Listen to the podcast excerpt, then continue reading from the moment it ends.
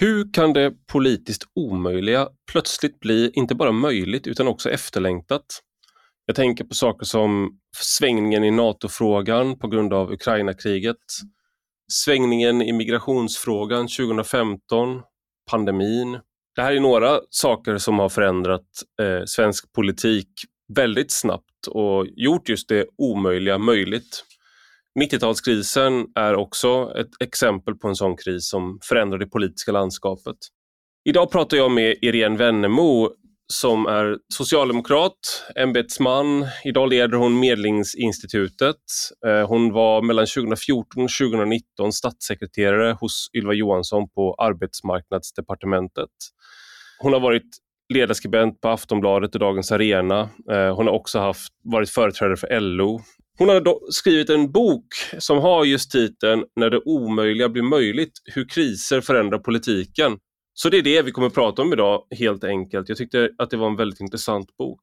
Och lite roligt för mig är det att prata med Irene Wennemo för hon var faktiskt min första motdebattör i Aktuellt 2014 eh, när apropå kriser som förändrar det politiska landskapet. Precis efter att den dåvarande alliansregeringen hade haft en presskonferens där de hade sagt att nu är reformutrymmet uppätet av kostnader för migrationen. Då var jag med i Aktuellt för att försvara det och försvara uttalandet och Irene Wennemo var min motdebattör. Men vi, det pratar vi faktiskt inte om i dagens podd, vi pratade om det efter podden. Eh, kanske borde haft med det i podden. Ja, nog om det. Nu till dagens gäst. Du lyssnar på Rak Höger med mig, Ivar Arpi.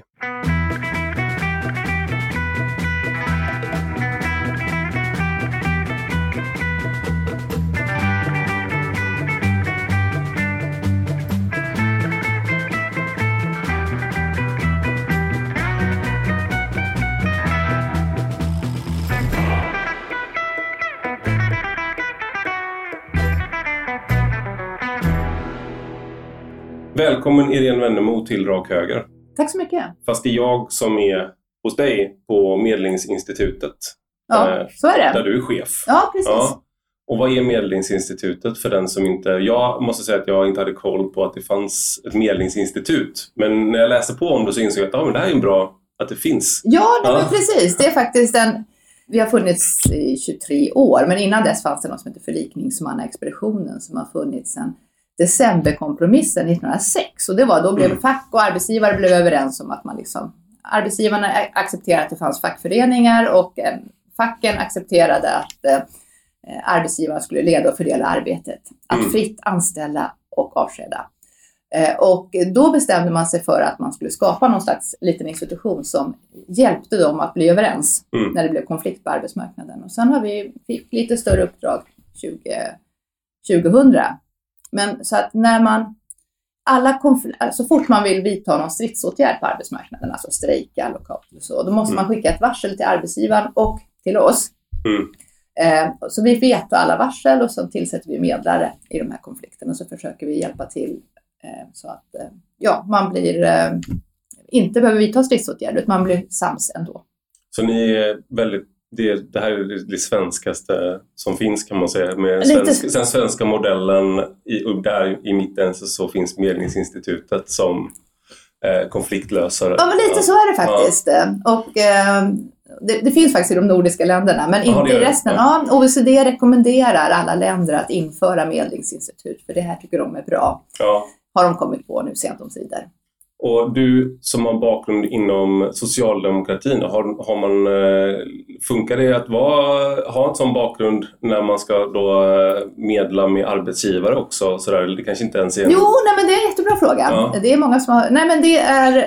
Jo, men det fungerar nog för att arbetsgivarna tyckte att jag var bra att samarbeta med. Jag var mm. då statssekreterare tidigare och då hade jag ganska mycket samarbete med arbetsgivarna och försökte liksom hitta lösningar som funkade som både de och det var ju lite så, det var, vi hade ju ingen, jag satt då 14 till 19 mm. som statssekreterare på arbetsmarknadsdepartementet och vi hade ju ingen majoritet i riksdagen så att det enda sättet kom vi på att få igenom propositioner, det var att se till att både fack och arbetsgivare tyckte att det här var en OK lösning. Mm.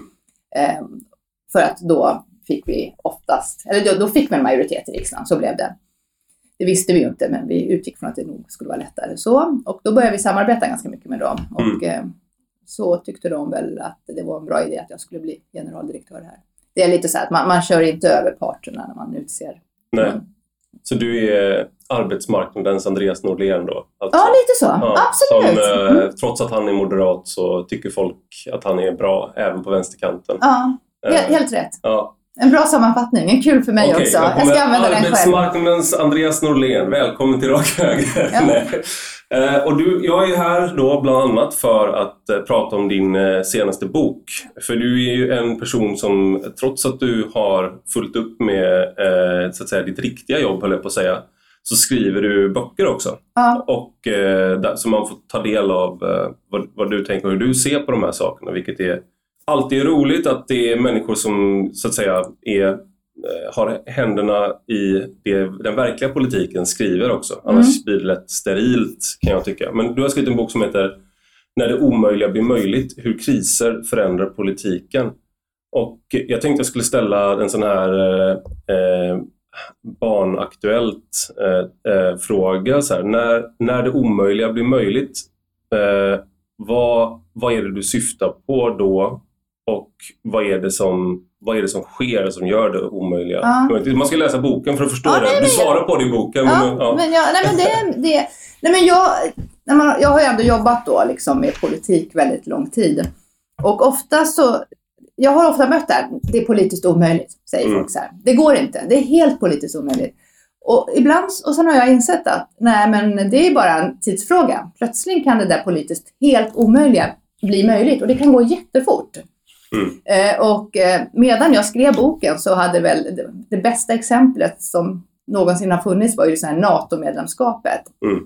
Att Socialdemokraterna och också för den delen Sverigedemokraterna skulle byta fot i den frågan så fruktansvärt fort efter vi har varit liksom alliansfria i 200 år. Mm. Det var ju verkligen omöjligt. Alla skulle sagt att det, det kan inte hända. Sossarna kan inte byta åsikt, inte de tog en, hade inte ens ett kongressbeslut och det är liksom Nej. så här helt, det här var ju liksom, det står i deras partiprogram. Mm.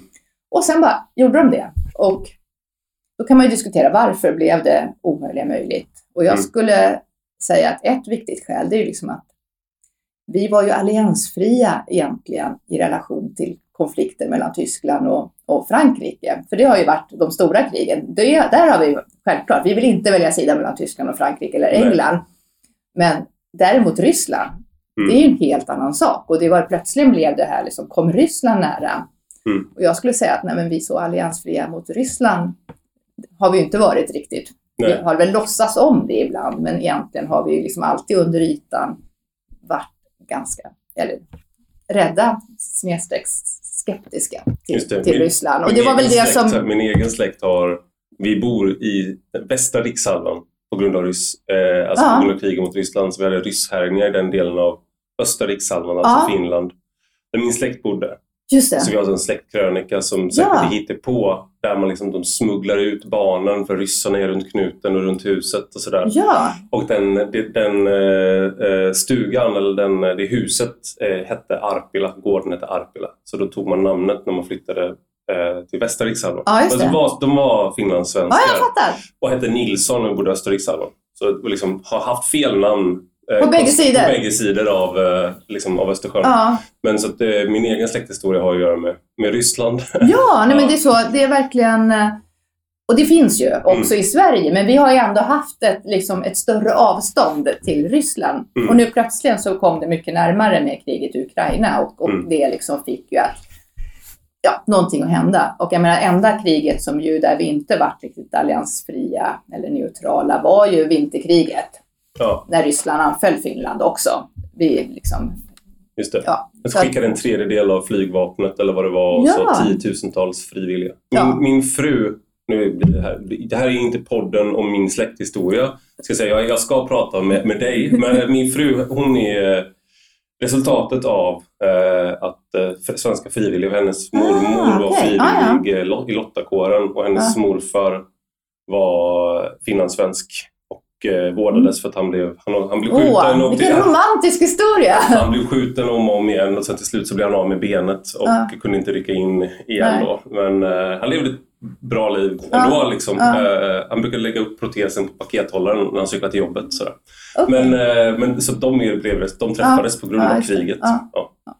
Nej, men, så att, men då är det, kan man säga att externa chocker är, liksom, eh, är det, är det liksom den främsta drivkraften till att förändra? För det, NATO-frågan är en sån där sak där jag tycker Peter Hultqvist eh, är ju ett exempel på någon som ändrade, alltså vår tidigare försvarsminister, han ändrade inställning och fick ju, och jag har kritiserat honom för det, eh, från höger, och många höger kritiserat honom för det, att han sa att vi ska absolut inte gå med i NATO. Men jag tror att han representerade många svenskar också ja. i att man ville inte gå med i NATO och man var motvillig ja. men man såg ett behov. Ja. Eh, och då den här liksom vankelmodigheten eh, som man ändå kunde ana eh, hos många socialdemokrater mm. Den var inte, liksom, från de som var själv, självklart för NATO tyckte att det var eh, liksom en gud släppte liksom bara säga ja. Ja. Men jag tror många svenskar också kände, alltså som hade bytt, bytt åsikt i frågan, såg ja. man ju opinionen, kände ja, ungefär likadant. Ja men precis, och det var ju, det kändes ju ändå, jag bestämde mig också för att jag, nej, ingen som har frågat mig vad jag tyckte i den här frågan. Mm. Det står inte i boken heller, men, men uh, jag bestämde mig också för att nej men nu är jag för NATO. Mm. Men det var ändå så här, det kändes ändå ganska konstigt. Ja. För det har varit ganska självklart att man liksom, jag, alltså, jag har inte brytt mig jättemycket om frågan och jag kommer ju från, jag har norska föräldrar så att uh, ja jag tycker inte det är jättekonstigt att vara med i NATO, för det, är liksom, det var ju självklart i Norge. Men ändå sådär att jag, det, är inget, eh, det är absolut inget jag har brunnit för, att vi skulle gå med i NATO. Men, men det här var verkligen så här, men det här blev ett annorlunda läge. Mm. Konflikten liksom i Europa blev annorlunda och ja, men det, det påverkade verkligen. Och vi, en annan sån extern kris som vi ofta pratar om och som du skriver eh, och som du också var med under var ju 90-talskrisen ja. där man väldigt mycket ändrades och ny, en ny, liksom ett nytt konsensus etablerades. Vad, vad var det som, som hände där och vad var det för, liksom, vad var det man plötsligt lyckades, lyckades med som man inte hade gjort under 80-talet? Och... Men jag, jag, skulle, jag skulle säga att liksom, egentligen började egentligen kriserna på 70-talet mm. och då var det oljeprischockerna. Och det påminner lite om det vi är i idag. Oljepriserna stack plötsligt iväg oerhört kraftigt och det var en kombination av det var krig i Vietnam, som var, det var ett stort krig och det var också krig i Mellanöstern och OPEC-länderna bestämde sig för nu stryper vi oljan mm. och pressar upp priset och lyckades ju med det två omgångar, 73 och 79. Och då behövde man liksom hantera den här inflationschocken eh, och det gjorde man på lite olika sätt. Tyskland höjde räntan, arbetslösheten gick upp kraftigt. Eh, mm i, i eh, Storbritannien och i USA. Där kom liksom Thatcher och Reagan in efter ett tag. Efter liksom, det var kaos kan man säga. De hade också fick hög inflation som bet sig fast. Och sen bestämde de sig för nej vi ska inte göra som Tyskland. Liksom. Om vi ska pressa inflationen måste vi se till att försvaga fackföreningarna så att de inte kan kräva så höga löner. Och så hade man hela den liksom, ekonomin. Och Sverige tänkte liksom så här, nej, nej, vi ska vi ska klara oss genom den här krisen utan att få höjd arbetslöshet, utan att få försvaga facket, om man liksom ska sammanfatta det. Och så försökte man liksom få ner inflationen tala parterna till rätta. Man bjöd dem till Haga slott, kom hit och nu lovar ni vara återhållsamma i nästa avtalsrörelse. Och ja, sa de, det gör vi. Och sen gjorde de sig precis likadant som förra gången. Ja. Så liksom man, man, det här bara puttrade på liksom i nästan då 20 år. Mm. Vissa perioder var lite bättre, men det var hela tiden hög inflation och fackföreningarna försökte hela tiden få, liksom, få kompensation för inflationen mm. i form av högre löner. Och så blev inflationen ännu högre. Och så fick vi devalvera. Alltså det var, det var liksom kaos. Mm. Och 90-talskrisen, då försökte, då hade det liksom, ja, det hade liksom gått för långt på något sätt. Och hela den modell man hade för att försöka hantera den här situationen, det var då att kronan skulle vara liksom knuten mot ecun som det hette då, det som blev euron.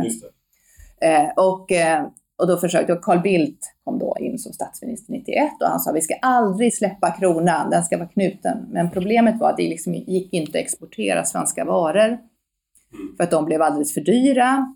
Eh, och till slut så bara föll det här ihop.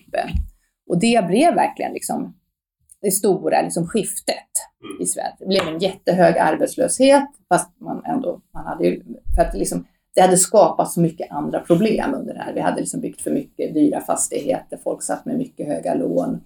Det var verkligen liksom, eh, det var ju, det var ju oerhört smärtsamt den här processen. Och då hade man dessutom lät man då budget, alltså så här, de hade ju inget val. Det blev jättestora budgetunderskott för att folk blev arbetslösa och sen kom Socialdemokraterna in 94 och då skulle man sanera statsfinanserna som det hette. Och då var det liksom, ja men det var ju stora, men det var, man sparade på allt. Jag var med där som politisk sakkunnig redan Ja. 94 på socialdepartementet. Vi måste verkligen... eh, Det fanns jag tänker liksom om man, om man tänker sig så olika perioder där man ska eh, skulle velat vara med. ja, Eh, Då tänker jag att vara med som liksom, att under den perioden sanera statsfinanserna. Ja.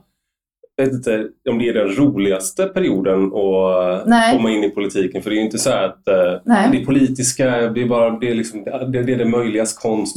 Bara, nej, nej, vi skulle skära här. Men det, var helt, det var verkligen helt speciellt. Jag var ganska ung då som jag, och så kom jag in och började jobba då med, det var så här familjepolitiken. Här ska vi spara 3 miljarder. Det var ju ändå mer pengar då. Och jag tror vi sparar ännu mer. Och sen, äh, du vet, sjukförsäkringen, spara.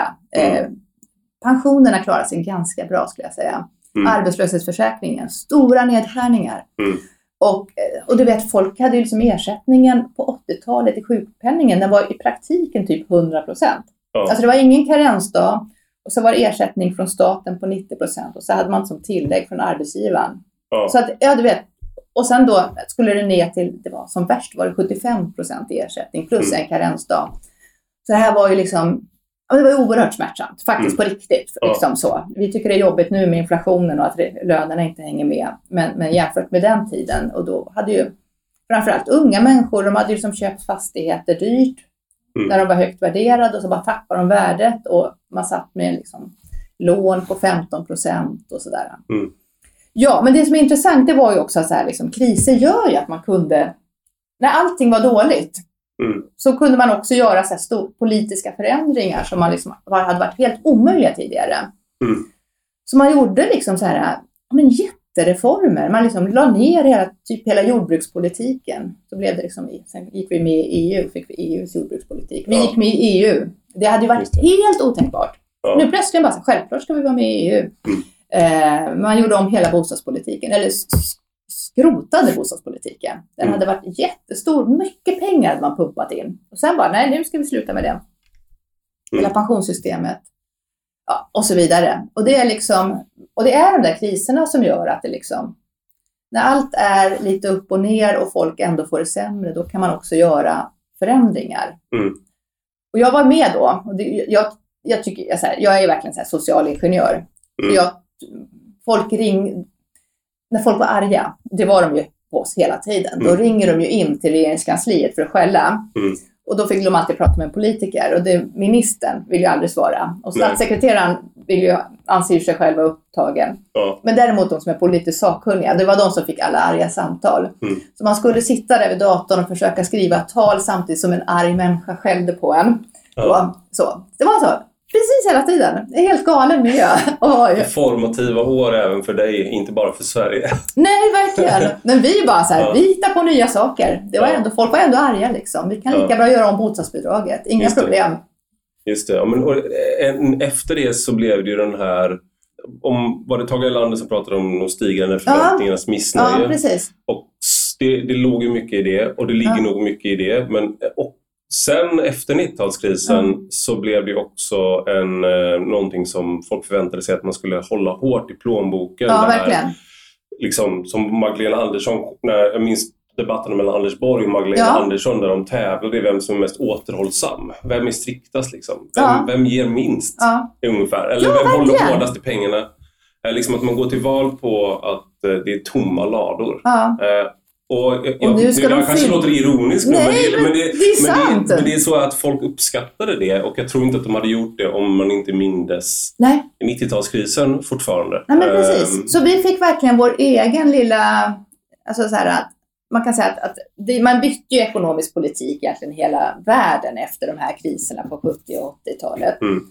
Och då var det liksom efter andra världskriget, då hade det varit liksom statens roll var viktig, keynesianistisk pol- politik, vi ska liksom eh, investera i lågkonjunktur och spara i högkonjunktur och sådär. Och så Mm. faller hela det faller liksom sönder då på, från 70-talet till 80-talet. Mm. Och så byter man till det som man brukar kalla liksom normpolitik eller nyliberalism, säger någon som är rejält åt vänster. Ja. Jag skriver normpolitik. Mm. Eh, lite mer neutralt och det är liksom så här, nu ska vi knyta, vi ska ha ett inflationsmål. Riksbanken är självständig, de ska ha 2% inflation, punkt, punkt. Just det.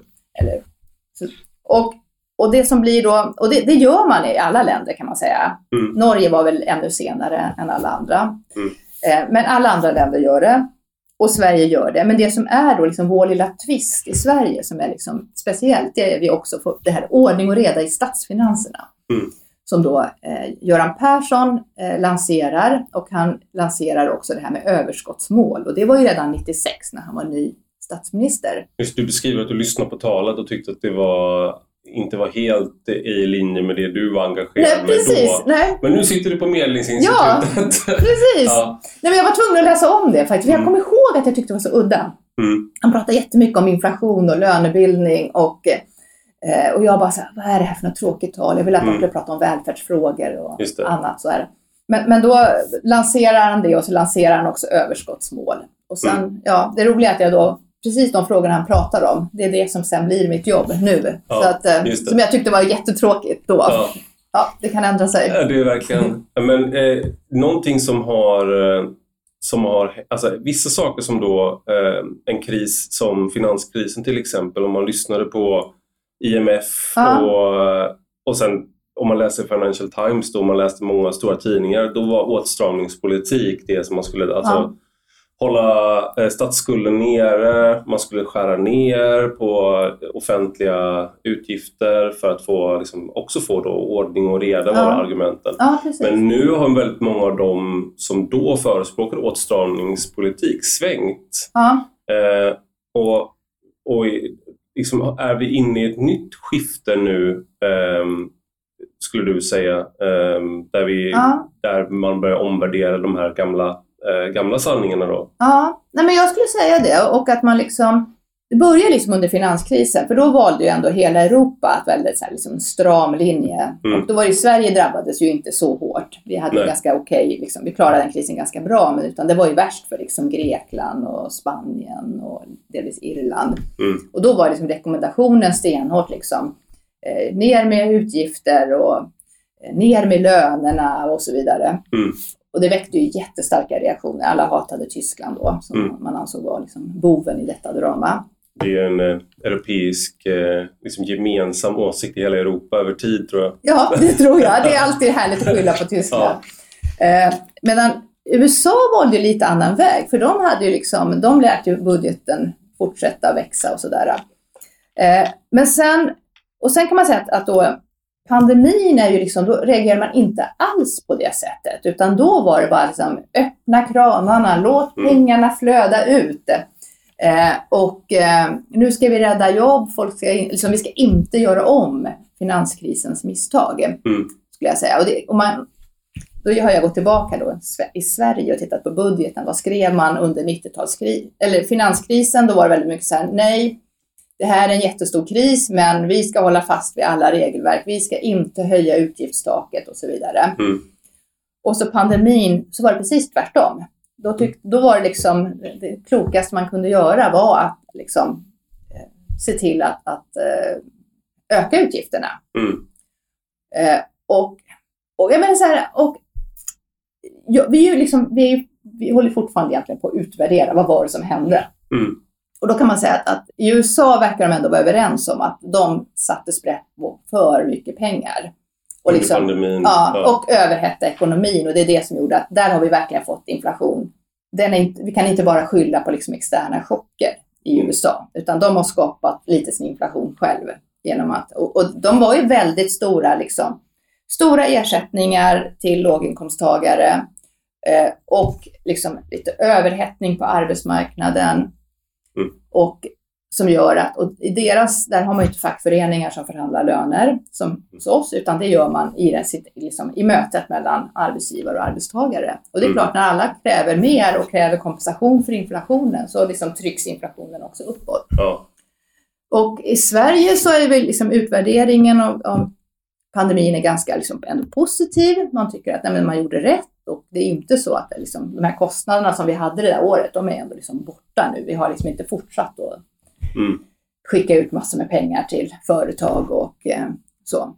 Men, men det samtidigt så, den inflation vi har idag beror ju inte bara, den är liksom, det är ju hela världen som har hög inflation. Det är ju lite, eller det är delvis Ukraina-kriget, men det är ju delvis också att under den här perioden så har liksom produktionen sjunkit i världen av olika varor och framförallt i Kina. Liksom. Och det är klart att, och så hela den här logistiken Mm.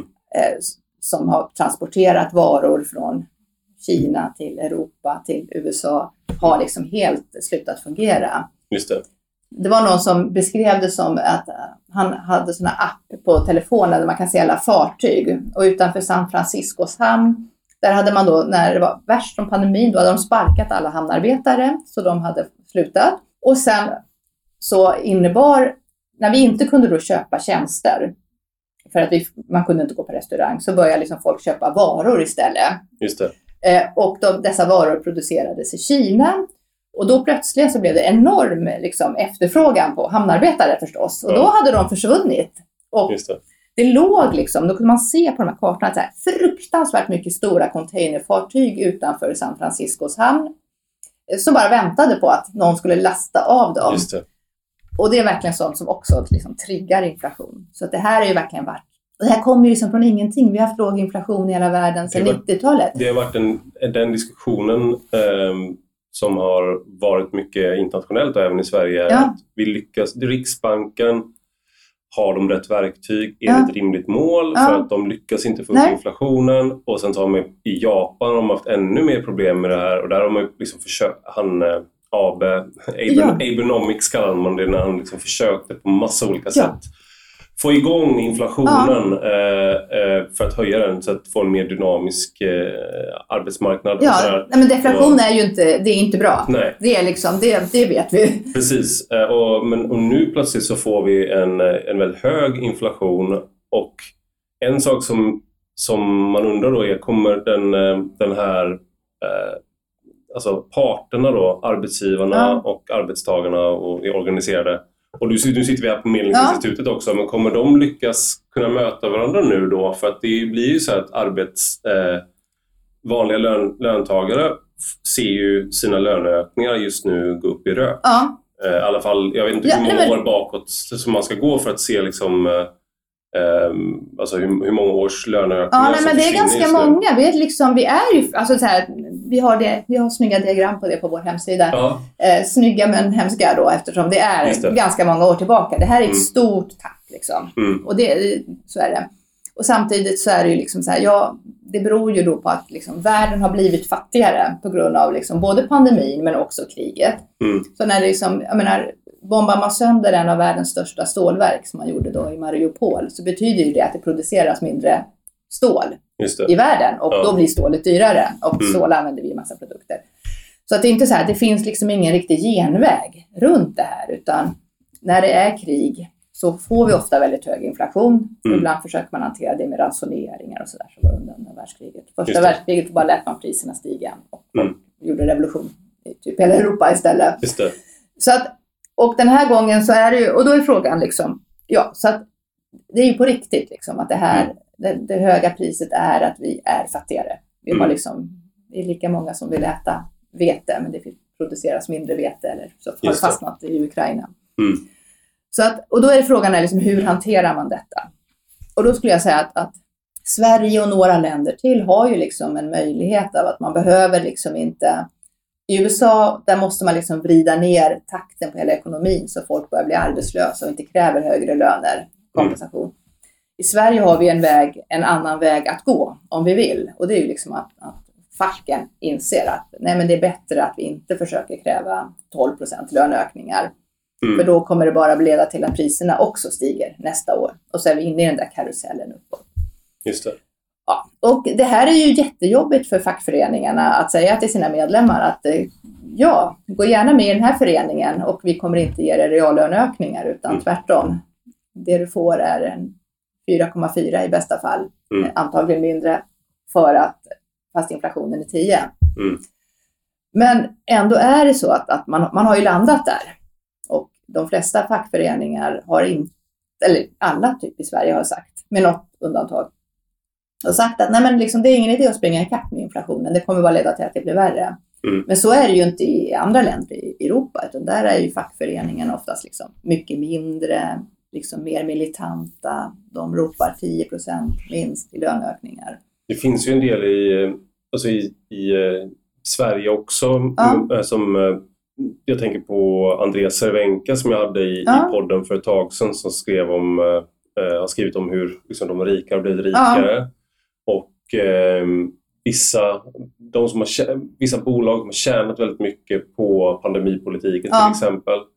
Ehm, så alla kanske tjänade på det men, men de har tjänat mer Ja. på det. Eh, och eh, bankerna till exempel gör rekordvinster eh, Mm. just nu, rekord, rekordutdelningar.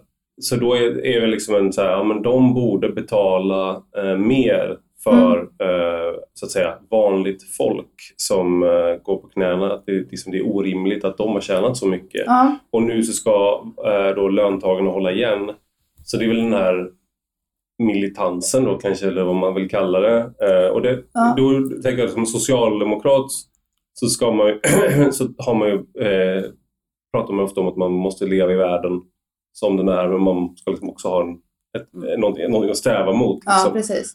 Så hur mycket, hur mycket ligger det i den, den retoriken från vänster då kan man väl säga att det Ja. är? Nej, men jag, alltså, så här, jag, och jag, det är lite intressant för att, att eh, en- en nationalekonom som Lars Calmfors, han är ju med i min bok ända redan från liksom på 80-talet och är den som verkligen driver fram det här systemskiftet liksom, med normpolitik. Och har alltid då upplevdes ju då i den tiden som väldigt höger eftersom Mm. han drev detta. För jag jobbade på LO då så jag tillhörde verkligen liksom andra gänget. Mm. Han var en trevlig person men väldigt höger. Och det han säger nu, det är liksom så här, nej, nu kan vi inte hålla på att sänka skatter för de rikaste i det här läget. Mm. Utan ska man liksom lägga pengar på någon i den här situationen så måste vi lägga de pengarna på dem med de lägsta inkomsterna. Mm. Och det är liksom, säger ju någonting om hur, hur förändrad situation vi har.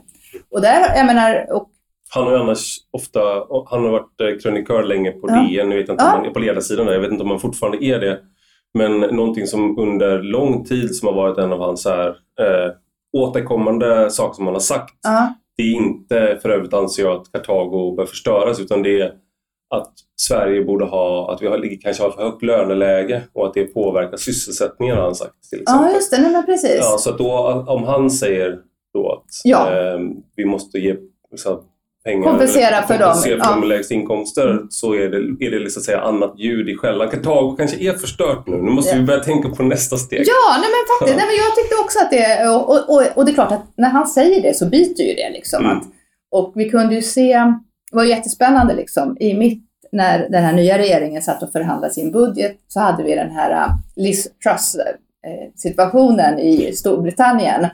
Där de liksom, vi kan självklart köra nyliberal politik. Här sänker vi skatter för de rikaste och så lite för andra också. Så det var inte bara, men liksom stora eh, skattesänkningar. Eh, och det som hände då i den här, och jag menar det hade kanske gått i ett annat läge, men just nu med den här höga inflationen, då blev ju reaktionen från deras centralbank att, att gör ni det här så kommer vi liksom, då brassar vi ju på inflationen. Mm. Alla de rikaste får liksom 5% mer av sin inkomst, typ. Mm. det var så. Eh, och eh, då måste vi höja räntan, och så höjde de räntan och så blev det helt kaos på liksom hela deras, ja, jag ska inte gå in på deras obligationsmarknad och sådär. Men det blev i alla fall kaos och det slutade med att de var tvungna att dra tillbaka skattehöjningarna och sen fick hon avgå. Ja, först, Först, först finansminister. ja, för, för, först finans- sparkade de sin finansminister och försökte... Det Rädda sig själv. fel. Ja. Kwasi Kwarteng fick gå. Ja. Eh, så. Men Precis. hon satt väl hon satt rekordkort tid. Ja, Och hon hade ju som mål, hon sa det, vad är, vad är målen liksom? Det är growth, growth, growth. Precis, liksom. Och det verkligen. låter ju bra Ja. och särskilt om man då är höger Ja. eh, så är det ju liksom ja, men skattesänkningar, growth, Ja. liksom, en dynamisk arbetsmarknad, en dynamisk ekonomi. ja. Eh, Men- men, i den här situationen då så fick. Aldrig har någon varit så feltajmad med sin Mm. ekonomiska politik som, som de var, skulle jag säga. Och, men, men jag tror att det här underlättar de här förhandlingarna eh, som Svantesson, Elisabeth Svantesson höll i. För det är Mm. klart att när man ska bli överens fyra partier, det enklaste sättet att bli överens det är ju att alla får något som kostar. Just det. Så, det är ju liksom verkligen, det är ju liksom upplagt för det. Men när man hade den här förhandlingen och så kunde man samtidigt i realtid följa några som, ja, vå, vågade göra stora eh, ut, skattesänkningar. De vågade göra en del av det som jag tror många som eh, lutar åt liberalkonservativa hållet Ja. eller moderata Ja. hållet eh, och även centerpartister Ja. för den delen och liksom, om man är borgerlig. Ja. De gjorde, Liz Truss, de, det, det det de gjorde var mycket sånt som man går runt och dagdrömmer om eh, Ja, kanske, precis. Som, och tänker att gud vad bra ekonomin hade blivit då. Mm. Eh, Och sen bara så här fruktansvärt eh, eh, dålig timing. mm, Och, och sen, så att det, det här tror jag var, den här krisen var nog liksom en stor fördel för Elisabeth Svantesson. För man kan säga att hennes budget har ju inte åkt i det diket i alla fall. Den är Mm. ganska återhållsam och man skjuter saker framför sig. Man gör inte saker som är liksom dyra nu. Och det gör ju, jag skulle säga att, att liksom utifrån den liksom kris vi ändå är inne i med den här höga inflationen så gör det ju det lättare. Det hade ju Mm. varit, de här LO-förbunden som får stora reallönesänkningar, de hade ju inte blivit glada om man hade gjort stora skattesänkningar för de rikaste i det här läget. Det hade ju verkligen varit ännu svårare att Mm. säga ja till det, man, det märket som, ja, kravet var 4,4, det kommer ju inte bli det som blir utgående lön, för så är det ju inte Men det är, förhandlingen. väldigt, det, är väldigt, alltså det är väl ett väldigt högt krav om man bara kollar, om man bortser från Ja. krisen. Absolut, Då är det verkligen. 4,4 Ja, ja, ja. som ligger väldigt högt. Ja. Eh, Men eh, om man räknar in inflationen så är det väldigt lågt. Precis, så att, helt rätt. Alltså det var ju jättelänge sedan man krävde 4,4 i Sverige. Mm. Eh, då, från industrins sida. De har ju legat på liksom, ja, runt 3 Mm. sådär, i krav och så har det landat i strax över 2, ibland ännu lägre. Mm. Men men så vi måste ju tillbaka till kan det vara 00-tal, början på 00-talet kanske, eller 90-talet till och med, Mm. för så höga krav. Mm. Men det är klart, det här är ju, då hade vi också en inflation som var låg. Nu är det ju, ja. Just det. Så att jag brukar inte säga om, man, om det ingår i min roll att jag inte recenserar siffror, men, men man, kan, man, kan, man kan ha dem i, stoppa in dem i ett historisk kontext i alla fall. Just det. Man kan göra en eh, graf Ja, det gör vi. eh, och ibland. jämföra. Ja.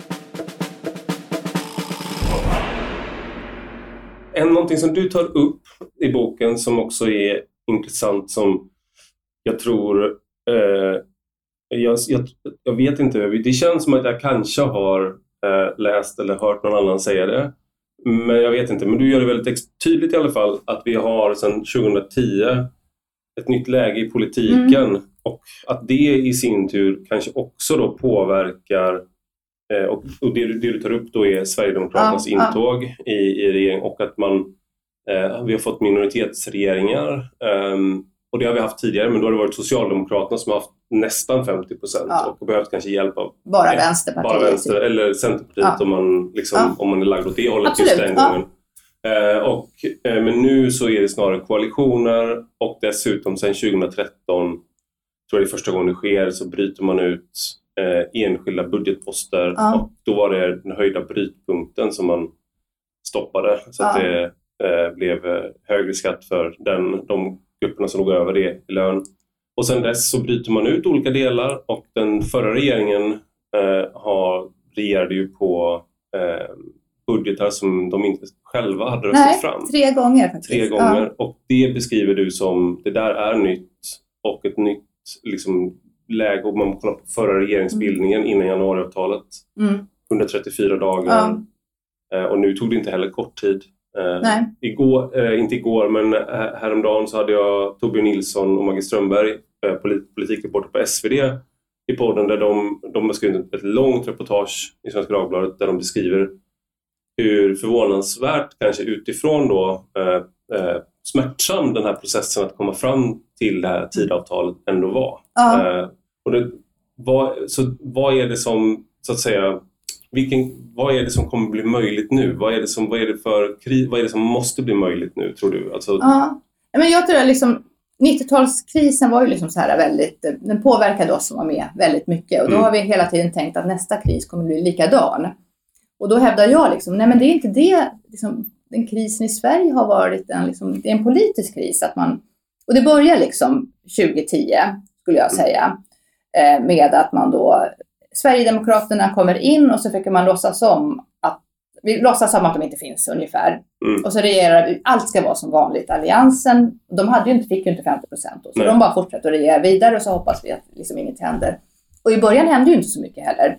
För Sverigedemokraterna låg ganska lågt, de liksom profilerar sig inte så mycket och sådär. Utan det är först då 2013, då är det liksom första avsteget från det, hur det har fungerat och då bryter man ut den här posten. Mm. Och sen, men sen går det ju väldigt snabbt, för då redan 2014, då kommer sossarna in. Mm. Och, och liksom, egentligen är det så här, ingen, det är ju den enda som går fram på något rimligt sätt 2014, det är ju SD som Mm. växer rejält. Men man fortsätter fortfarande bete sig som om de inte finns. Mm. Och nej, Alliansen ska hålla ihop och Socialdemokraterna hade ju inte någon majoritet, inte i närheten av, Mm. ens med Vänsterpartiet. Med miljö, det blev ju en regering med Miljöpartiet med då stöd av Vänsterpartiet. Och så hoppas man bara att allt ska gå bra. Och sen går det ju liksom några månader så lägger man fram sin första budget och den blir nedröstad. Mm. Så kommer decemberöverenskommelsen. Och då liksom, det blir ju som konstgjort liv för den här regeringen. Mm. Och man bara skjuter det här problemet framför sig liksom egentligen med att man... Och då skulle jag säga att det blir liksom mer och mer upplösning i det som verkligen var en, en vinst ändå, tycker jag, av 90-talskrisen. Det var ju liksom så här, lite ordning och reda i statsfinanserna. Jag är lite så här, tycker man gick lite till överdrift med överskottsmålet, men Mm. det är ju liksom rimligt att en regering får igenom sin budget. Mm. Och det här bara, och så bara vänjer vi oss vid det här. Och, och det är egentligen nu har vi ju faktiskt ändå en, nu har vi ändå en regering som har ett, ett budgetsamarbete som skapar en majoritet. Men det. är ju liksom så här, man känner ju inte att det är den mest stabila av regeringar. Det är inte liksom så många avhopp för att det ska brista igen. Nej. Så vi, får, ja, men det här, vi får se hur det går. Liksom. Det är Ja. ändå så här, mm, ganska bräckligt. Men ändå, det är skönt att vi har lämnat det här bakom oss med dessa minoritetsregeringar. Alltså det är liksom... Jag, Varför är det ett problem egentligen då? All, alltså att man har minoritetsregeringen på det sättet? För det var ju så här, det har, ju varit någonting som eh, under lång, många av de här åren så var jag ledarskribent Ja. eh, och på olika liberala och eh, ledarsidor på Svenska Dagbladet och då var det ju eh, någonting som vi kritiserade ju decemberöverenskommelsen, man kritiserade januariavtalet och man tyckte liksom att eh, det var ohållbart och sådär. De, en del menat då att ja, men jag, jag alltså har, har eh, drivit på för att man ska samarbeta med SD. Eh, och det har jag gjort. Eh, men framförallt har det handlat just om att eh, man ska kunna samla en, en majoritet och inte ignorera realiteten i riksdagen.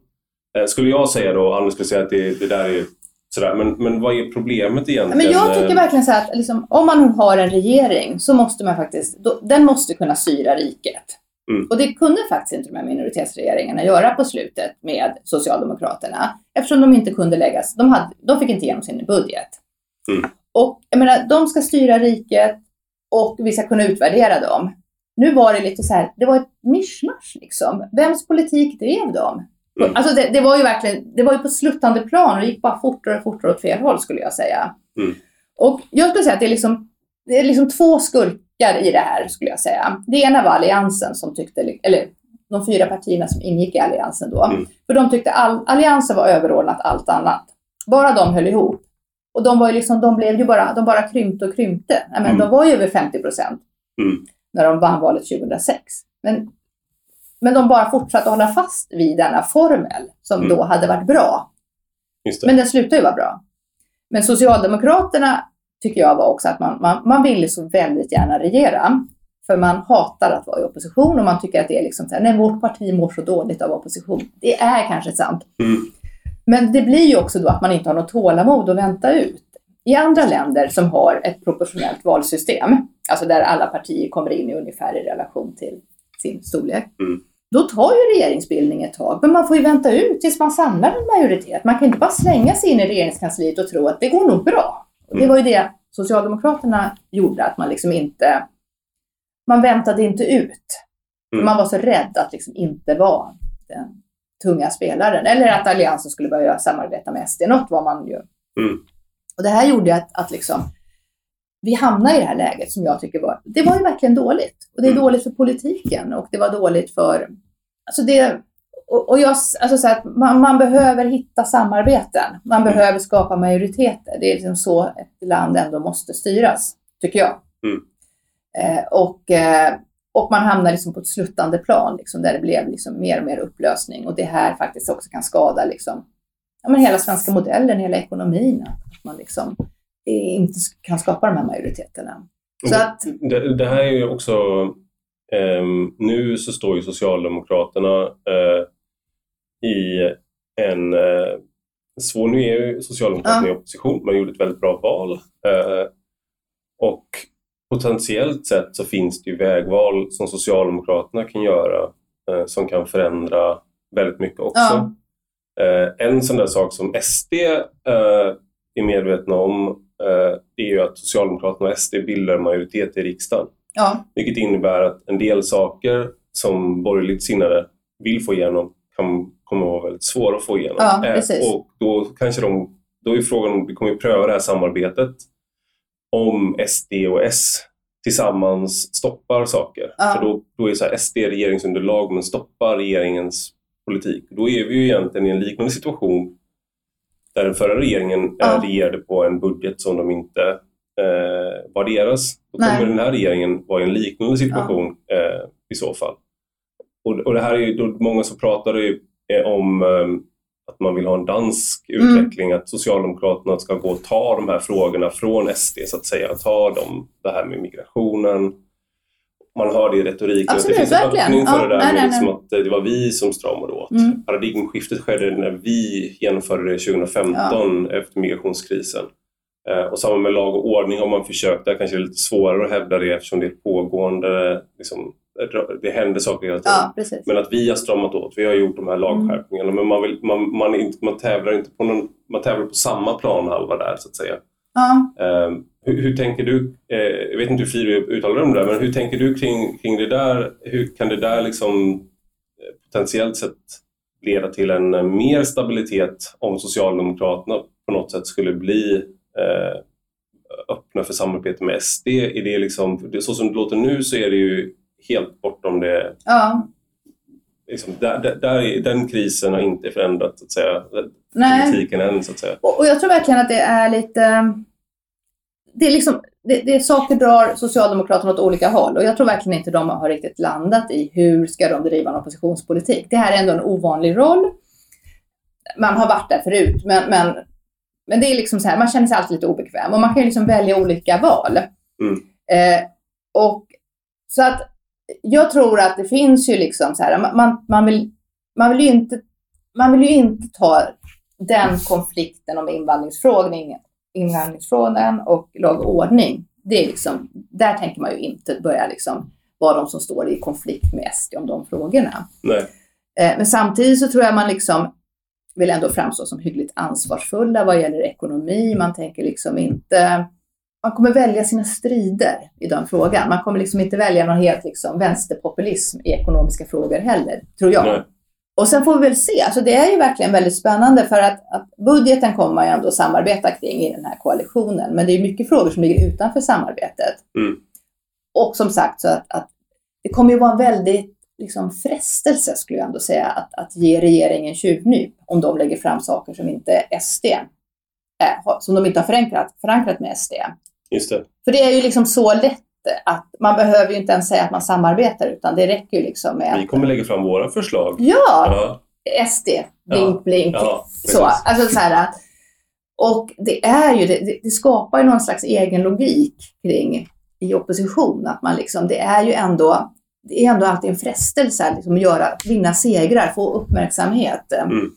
Så det där, jag kommer ihåg då 2000 får se nu då, 10 till 14 så fick Ylva Johansson då som är EU-kommissionär mycket skäl för att hon liksom ändå drog in någon sd på rummet för att göra upp om något om a-kassan sådär mm. och så fick hon enormt mycket kritik för det.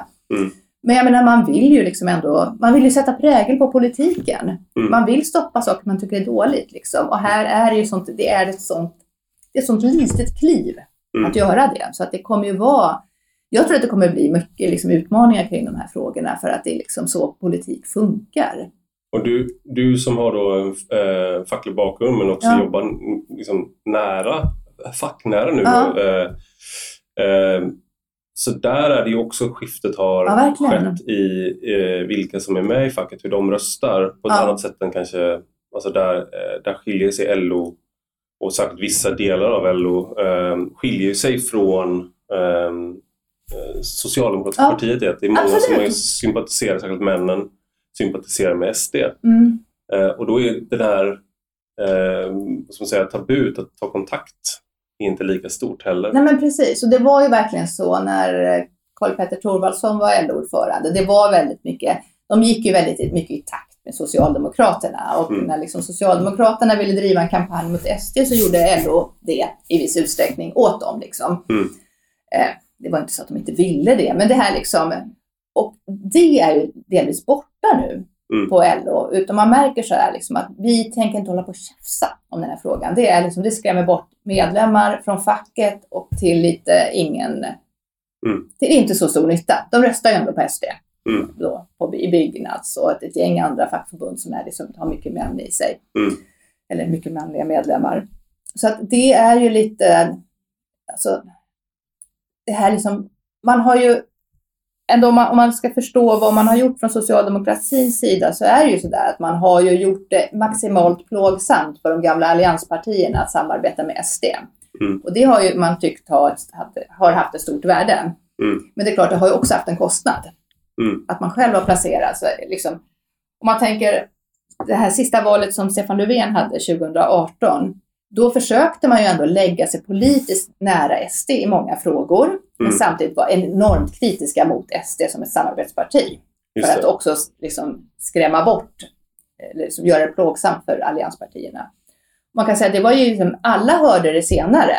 Mm. Att vi hatar att samarbeta med SD och vi tycker det är dåligt. Och ingen hörde ju resten. Så att han liksom, Mm. Det. det var ju helt udda val liksom. Med den politiken och med Stefan Löfven som partiledare som ändå kommer från ett skogslän.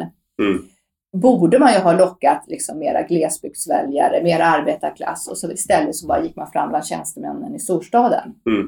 Så det. det här var verkligen liksom, det här säger något om hur svårt den här balansgången har varit. Mm. Och, och nu har man ändå sagt, ah, okej, nu har de ändå börjat samarbeta med SD, så, så då tror jag det här kommer tonas ner liksom. Man Mm. kommer inte hålla på att driva den frågan lika hårt längre, tror jag. Mm. Utan nu blir det mer så här, okej, nu kör vi vår linje i olika politiska frågor och så väljer man liksom, försöker man. Men jag tror inte, liksom, vad är deras linje? Det är lite oklart fortfarande. Liksom. Vad, Mm. kommer de, vad kommer de synas mycket i? Och det man, man drar, partiet dras åt lite olika håll. Liksom. Det är trist att välja, för, liksom, det finns ju alltid en risk. Så här. Nu har många försökt välja, eller försökt vinna de här liksom, väljarna på landsbygden och så vidare. Helt, med en väldigt liten framgång. Jag menar både Nooshi Dadgostar är väl en, Ja. eh, när hon åker runt.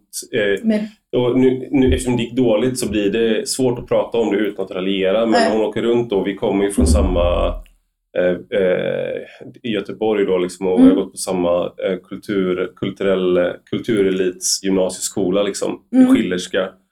Eh, och eh, så, här, så att, här, att se henne i den här hjälmen åka runt, det är inte hennes, det är inte det, hennes miljö. Eh, för det första, liksom, Nej. liksom bakgrund och sådär. Men sen också att eh, det gick så dåligt fast man ville. Om man skulle tona ner det här, de klassiska Ja. som läckte ut. Att man ska inte prata om att vi ska minska köttätandet och flygandet och sånt där. Eh, och ändå så ville inte de här industriarbetarna arbetarna och eh, bruksorternas rö- eh, väljare rösta på Vänsterpartiet. nej, inte ens sossarna liksom. Nej. I, någon större, alltså ja, i viss utsträckning, men ändå Ja. så här, man tappade ju, man fortsatte ju tappa där. Däremot eh, sådana som du och jag Ja. röstade på Socialdemokraterna i större utsträckning och gör Ja, det. ja, och det är också en trend du tar upp att vi har varit, kanske har vi bara legat efter det här med klassiska då att städerna är ganska röda, landsbygden är, är blå. Ja. För Sverige var verkligen undantaget från den regeln. Det där Mm. mönstret har man ju sett i andra länder under ganska lång tid. Och Sverige var precis tvärtom. Och nu Mm. är det inte så, utan nu är ju verkligen städerna rödare och landsbygden mycket mer blå. Mm. Så att det har verkligen varit ett... Och det, är liksom, och det, ja, men det är lite svårt att säga, men jag tror liksom ändå att, att Göran Persson, han månad, nu är vi ju långt tillbaka på 90-talet Mm. igen, men det här får vara lite Ja. så här, historisk eh, stund. Eh, han månade ju väldigt mycket om att liksom hålla fast vid de här lite konservativa delarna. Alltså kunde, liksom, och, det, och jag skulle säga att det hände ju verkligen någonting när Mona Sahlin var partiledare för sossarna, Fredrik Reinfeldt för Moderaterna. De tävlade ju liksom om vem som var mest, då, om man ska använda ett högre uttryck, globalist. Liksom. Mm. Man skulle vinna storstadsväljarna. Eh, vi skulle vara, man det är väl vara ingen som jobbar i industrin ens längre? Nej, it's basically gone. Ja, precis. Ja, nej men precis. Och, Mm. och det var verkligen så här, man, du vet, det var de här på Söder Mm. som i alla fall Mona Sahlin ville vinna. Mm.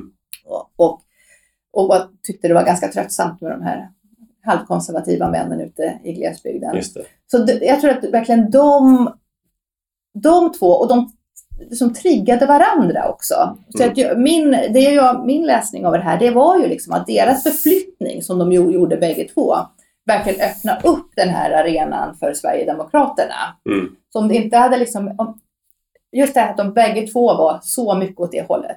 Mm. Det skapade liksom ett politiskt manöverutrymme för SD som de verkligen liksom har ju förvaltat väldigt väl utifrån någon slags, jag menar organisera människor. Det, det finns väl liksom just nu, det var ju en gång i tiden var det socialdemokrater som var de mest lojala väljarna.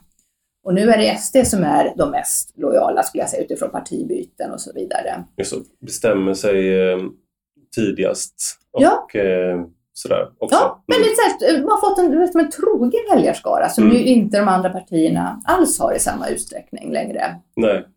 Det var ju verkligen ett kännetecken för Socialdemokraterna att det var liksom en, du vet, hästväljare brukade man skoja om. Just det. De skulle rösta på Socialdemokraterna även om de hade en häst som partiledare. Mm. Och dessa hästväljare var liksom verkligen, liksom, det spelar ingen roll. De röstade alltid socialdemokratiskt. Och, mm, ofta när man pratar om Socialdemokraterna i Sverige så får man en, eh, så är det ganska dystert. Ja, Samtidigt, och det förstår jag från ett socialdemokratiskt perspektiv, att man eh, kommer ihåg när ja man hade 50 procent. 50 procent och sånt där. Och, Det har bara hänt en gång, men ändå. Liksom. Men ändå liksom. Och, eh, men om man ändå tänker på att eh, partiet har 32, fick 32 Ja. procent senaste valet så tänker jag att om socialdemokratiska partier runt om i Europa som en gång i tiden också var så starka Ja. som de svenska socialdemokraterna, vissa av dem är ju Utraderade, typ. utraderade Ja, och faktiskt. eh, irrelevanta Ja. på ett sätt som Alltså till och med i Tyskland så är de väldigt små. Ja. Eh, Det är väl Danmark som är ett undantag men då har de ju valt, de har gjort ett annat vägval Ja, och, eh, och sådär. Men så att på vissa sätt skulle man kunna säga att om man, om man försöker att tänka att det, om man då tänker att det externa och eh, så förändringar som Ja. sker på många ställen så är Socialdemokraterna en eh, succé på vissa sätt också. Ja. I, om man, om man Ja. jämför med systerpartier. Nej, men jag håller med dig. Mm. Och, och det är verkligen, jag tror liksom att vi har liksom, inom socialdemokratin har man tendens att alltid titta på 50-talet, se hur det var då. Men det var ju extremt. Alltså vi hade typ inga, så, när vi fick rösträtt, då röstade kvinnor mer höger än män. Mm. Och sen har det där liksom ändrat sig helt och hållet förstås, för nu är kvinnor Ja. mycket mera vänster än män, som är mer höger. Men 50-talet, man röstar likadant. Mm. Det var liksom en manlig, eh, mannen i familjen arbetade och det var hans klasstillhörighet, den upplevde alla att de hade. Man Mm. hade liksom samma klasstillhörighet som, och kopplat till mannens arbete. Vi har aldrig haft så många som jobbade i industrin som då. Mm. Att det var ju en helt unik situation. Det var då, och då var det, ju liksom klass avgjorde hur alla röstade i familjen. Och man röstade som sina föräldrar hade röstat. Mm. Och nu är det ju liksom så här, nej men vi har så mycket andra konfliktlinjer. Alltså Mm. mycket större skillnad mellan kvinnor och män. Eh, region spelar mycket större roll. Det var inte alls så viktigt vid den tiden. Eh, vi har också liksom, eh, ja, etnisk bakgrund spelar roll för partival. Mm. Eh, och det var liksom inte heller, men vi hade, haft, vi hade lite invandring på, under andra världskriget, men det var liksom, Sverige var ju inget stort invandrarland direkt. Nej. Och nu har vi ju liksom, och det är ju helt, helt annorlunda också. Mm. Och eh, ibland blir det sådär att jag hade, jag tänkte på det under den här valrörelsen eh, när eh, Magdalena Andersson var ute kring Somalitown. Mm, just det. Och jag har liksom inte riktigt upplevt, men de röstar väl inte så mycket. För det är mycket så här fokus på att nej, deras röstande är inte lika högt som infödda svenskar. Men de röstar ju i ganska stor utsträckning och det är ganska stora grupper. Mm. Och man röstar lite i, vad ska man säga, man påverkar varandra kan jag säga nu. Mm. Positiv omskrivning av Just detta. det. Eh, Ja. Så man röstar liksom, om man röstar på sin kandidat liksom. Mm. Eh, Det kan man ju se liksom på personkryss på de med, med eh, liksom utländska namn. Att det är liksom, de, de kryssas i stor utsträckning i många partier. Mm. Och det är klart att det är liksom folk känner, ja det är han som mig. Så, det här skulle säga. Eller hon skulle säga.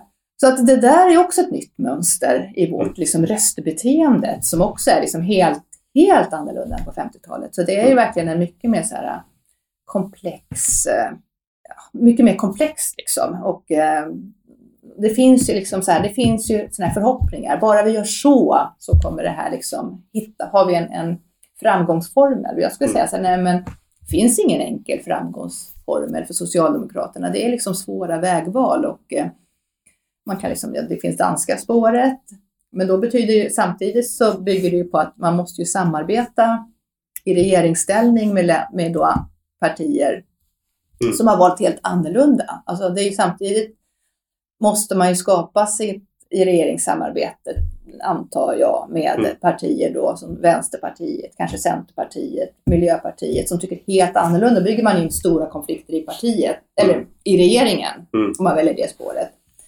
Eh, gå på bara det som vi som känner oss som arbetarklass, då bestämmer man sig för att man ska vara ett väldigt litet parti. Mm. För det är ju inte det som är liksom, det är en ganska liten grupp som tycker att min främsta identitet är arbetarklass mm. i Sverige. Det är väldigt mycket andra identiteter som man upplever som viktiga. Mm.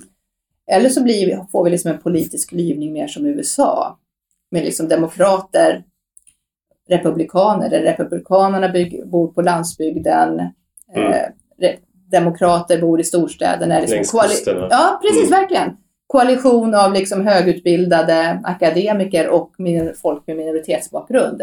Mm. Det, är inte, det är inte en enkel... Den är inte heller så enkel. Den är inte sådär... Äh, och där Republikanerna nu... Det skapar de massor med spänningar liksom. Det här var ju en sån utmaning som Torypartiet eh, hade nu också. De, ja. de hade ju en... Eh, nu när de har gjort en, ett katastrofparti som vi får se hur det går nu om de kommer vara kvar. Alltså det har hänt att partier har försvunnit från scenen. Jag tror, jag tror, inte att de kommer försvinna men det är många där i Torypartiet som är trötta på att vara med. Uh. Eh, men de låg ju på 50 procent ganska mm. nyligen med mm. Boris Johnson. Ja. Och eh, nu är de nere på, jag tror de var nere på 13 procent som lägst i opinionsmätningar. Är det sant? Åh gud, det är galet. Jag har inte hängt med. Liberaldemokraterna, detta lilla, lilla mm. parti, eh, som ändå har behövts för att eh, David Cameron behövde dem för att ja. bilda regering. Men, men deras valsystem är annorlunda. De har ja. inte ett proportionellt valsystem utan det är, eh, man får inte, man, man förstärks beroende på så att man ska kunna ha, bilda majoritet ja, lättare. Men eh, de var större i alla fall, Liberaldemokraterna, under en period i opinionsmätningarna. Och en sak som Torypartiet, eh, man säger då att eh, de inte lyckades kapitalisera på, det var just att den här annars röda väggen som fanns mm. i norra England av bruksorter och industristäder. Ja. Um, den, där började folk rösta Tory, ja. engelsmän. Och, um, men nu röstar de Labour igen. Ja. Uh, och under den perioden där det kanske fanns, apropå en kris som förändrade politiken, mm. de hade fler kriser. Ja. där var en, det där var en förändring och det var liksom en, det man kallar på engelska realignment. Ja, att arbetarväljare blir högre och uh, högutbildade till vänster. Ja. Um, och, men här verkar det ha gått tillbaks. Mm. Alltså den, och det får vi se hur, hur bestående, eh, bestående är. Men i USA har det ju blivit väldigt tydligt att eh, utbildning trumfar inkomst i hur man röstar. Så att ja. höginkomsttagare eh, röstar eh, större utsträckning. Alltså Republikanernas väljare har fortfarande högre inkomst ja. än Demokraternas väljare. Men är du högutbildad så är det en väldigt eh, stark ja. eh, indikation på att du också ska rösta på Demokraterna. Mm. Um, så att du har liksom arbetare eh, och lågutbildade röstar på Republikanerna ja. och landsbygden. Ja, precis. Men Republikanernas identitet är ju att de är eh, någonting annat. Ja, det. De för att de ja. har varit någonting annat. Ja. Och så är det ju delvis här i Sverige så är ju den här regeringen som sitter nu mm. har en väldigt stor andel med människor som har, eh, och Sverigedemokraterna som har, eh, de drar ju väljare från alla håll, men ja. låg utbildning, arbetarbakgrund ja. eh, och det är de väljarna har, eh, som har gjort det möjligt för en högerregering att tillträda. Ja. Ja, men så vi, det, det, är ju liksom ett nytt politiskt landskap skulle jag säga. Att vi är ju någon slags... Eh, och var det här landar vet vi. Ja, men så här, det, kan, det kan se ut att gå åt ett håll som i Storbritannien och så svänger det tillbaka. Men mm. det är ju också de här liksom, stora kasten, liksom, där polit, ja, men som med Macron. Liksom, eh, Socialdemokraterna typ utraderas. De finns mm. ju nästan inte kvar som någon politisk kraft. Eh. Så det är liksom så här otroligt liksom slagigt i politiska systemet med liksom otroligt mycket liksom större förändringar. Och, mm. Sverige är fortfarande så att partier, ja, det är ju lätt att få 4 procent, men att det är liksom väldigt svårt att lyfta sig mycket över 4 procent. Där är det liksom väldigt få partier som har tagit sig över det och blivit ett, ett liksom stort parti. Just det. Så att det är... Eh, det är bara tre partier som är eh, stora i det avseendet ja, i Sverige. Ja, faktiskt. Alla andra ligger ju liksom mm. lite... Ja, men man som garnityr ovanpå de stora. Ja, nej, men det är lite så. Jag ska släppa det in. Jag vill bara... Eh, nu då... Eh, har vi nått liksom en, en punkt där vi behöver... Är det några nöd... Liksom, vad är ditt medskick då i den här boken? Du har liksom resonemang kring det. Vad har spelat ut sin roll? Vad är det som måste bli möjligt att förändra nu? Liksom, är det överskottsmålet som är, viktigt att, att skruva på? Tycker du? Liksom... Men det, det är, jag, jag, tror liksom också så här att det har verkligen hänt något. Liksom, alltså så här, om, om 90-tals förändringarna på, på liksom, eh, 80-90-talet, det var väldigt mycket så här, marknaden kan lösa våra problem. Mm. Det var verkligen ett heligt, liksom så här, bara marknaden får råda så kommer det bli bra i Ryssland, sa man. Mm. Eh, och liksom, vi, vi, är så fruktansvärt långt borta från det. Mm. Att liksom den här tron på marknadsekonomin är ju liksom lite försvunnen. Mm. Utan det är väldigt mycket så här, nej men det här, det, det är som halvledare har det varit enorm brist på. Mm. Och så visar det sig att de enda som är duktiga på halvledare det är Taiwan som ligger precis utanför Kina. Och där mm. har vi liksom, vi har satt all, all vår industri bygger på att vi får halvledare därifrån. Mm. Så hela det här liksom, liksom, geografin och beroende, den här liksom blinda tron på globaliseringen som lösningen på problemen. Mm. Den är ju borta och jag tror verkligen att vi kommer ha mycket mera det kommer liksom vara politik och marknad i samverkan mycket mer och mycket mera. Och Sverige kan ju liksom vi kan ju liksom inte isolera oss i detta och tro att vi kan bli självförsörjande på allt i Sverige. Men Nej. däremot så liksom, det, det, här, det kommer ju hända något tror jag på liksom EU-nivå där EU måste vara liksom, EU kommer ta för sig mycket mer. Och mm. Det gäller ju att man är med i den processen så det liksom inte blir... För, för jag tror verkligen att geografin bara styr mot det. Liksom. Mm. Vi har krig i vår omvärld, vi kan inte vara helt isolerade men samtidigt här, kan vi inte heller lita på att, att liksom, allt fungerar som det har gjort mm. tidigare. Så att, ja, jag tror det, liksom så här, det kommer tänkas om kring ekonomi hur som helst. Liksom. Och det kommer vara annorlunda. Jag tror bara det här liksom, inflationen och re responsen på det är en del av det. Eh, vi kommer... Eh, så det, är liksom mitt i en förändring just nu. Men också det här hela liksom EU-politiken och Sveriges roll där. Och det liksom... Mm det kommer hända en massa saker och då är det, liksom att, det är viktigt att man är medveten om det så att man liksom blir en aktör i det så att man inte bara blir överkörd av en förändring som bara sker och så sitter vi liksom på läktaren. Så det är lite det också. Så att jag tror att vi är i, en, i ett skede där liksom mycket saker kommer hända. Mm. Och då behöver man liksom vara medveten om det så att man liksom försöker utnyttja förändringen till att skapa något som jag eller som vi tycker är bra i Sverige. Liksom. Mm. Ungefär så. Stort tack Irene Wennemo för att du var med i Rak Höger. Tack så mycket, jättekul att vara med. Och stort tack till dig som har lyssnat. Gå gärna in och skriv en recension på Apple Podcasts eller i den app där du lyssnar på podden.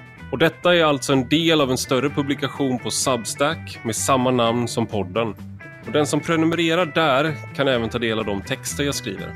Gillar man det man läser och hör får man gärna bli betalande prenumerant för 5 euro i månaden eller 50 om året.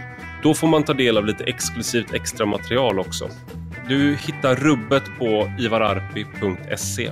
Och har du några frågor eller synpunkter kan du alltid mejla mig på ivararpi substack.com. Vi hörs igen.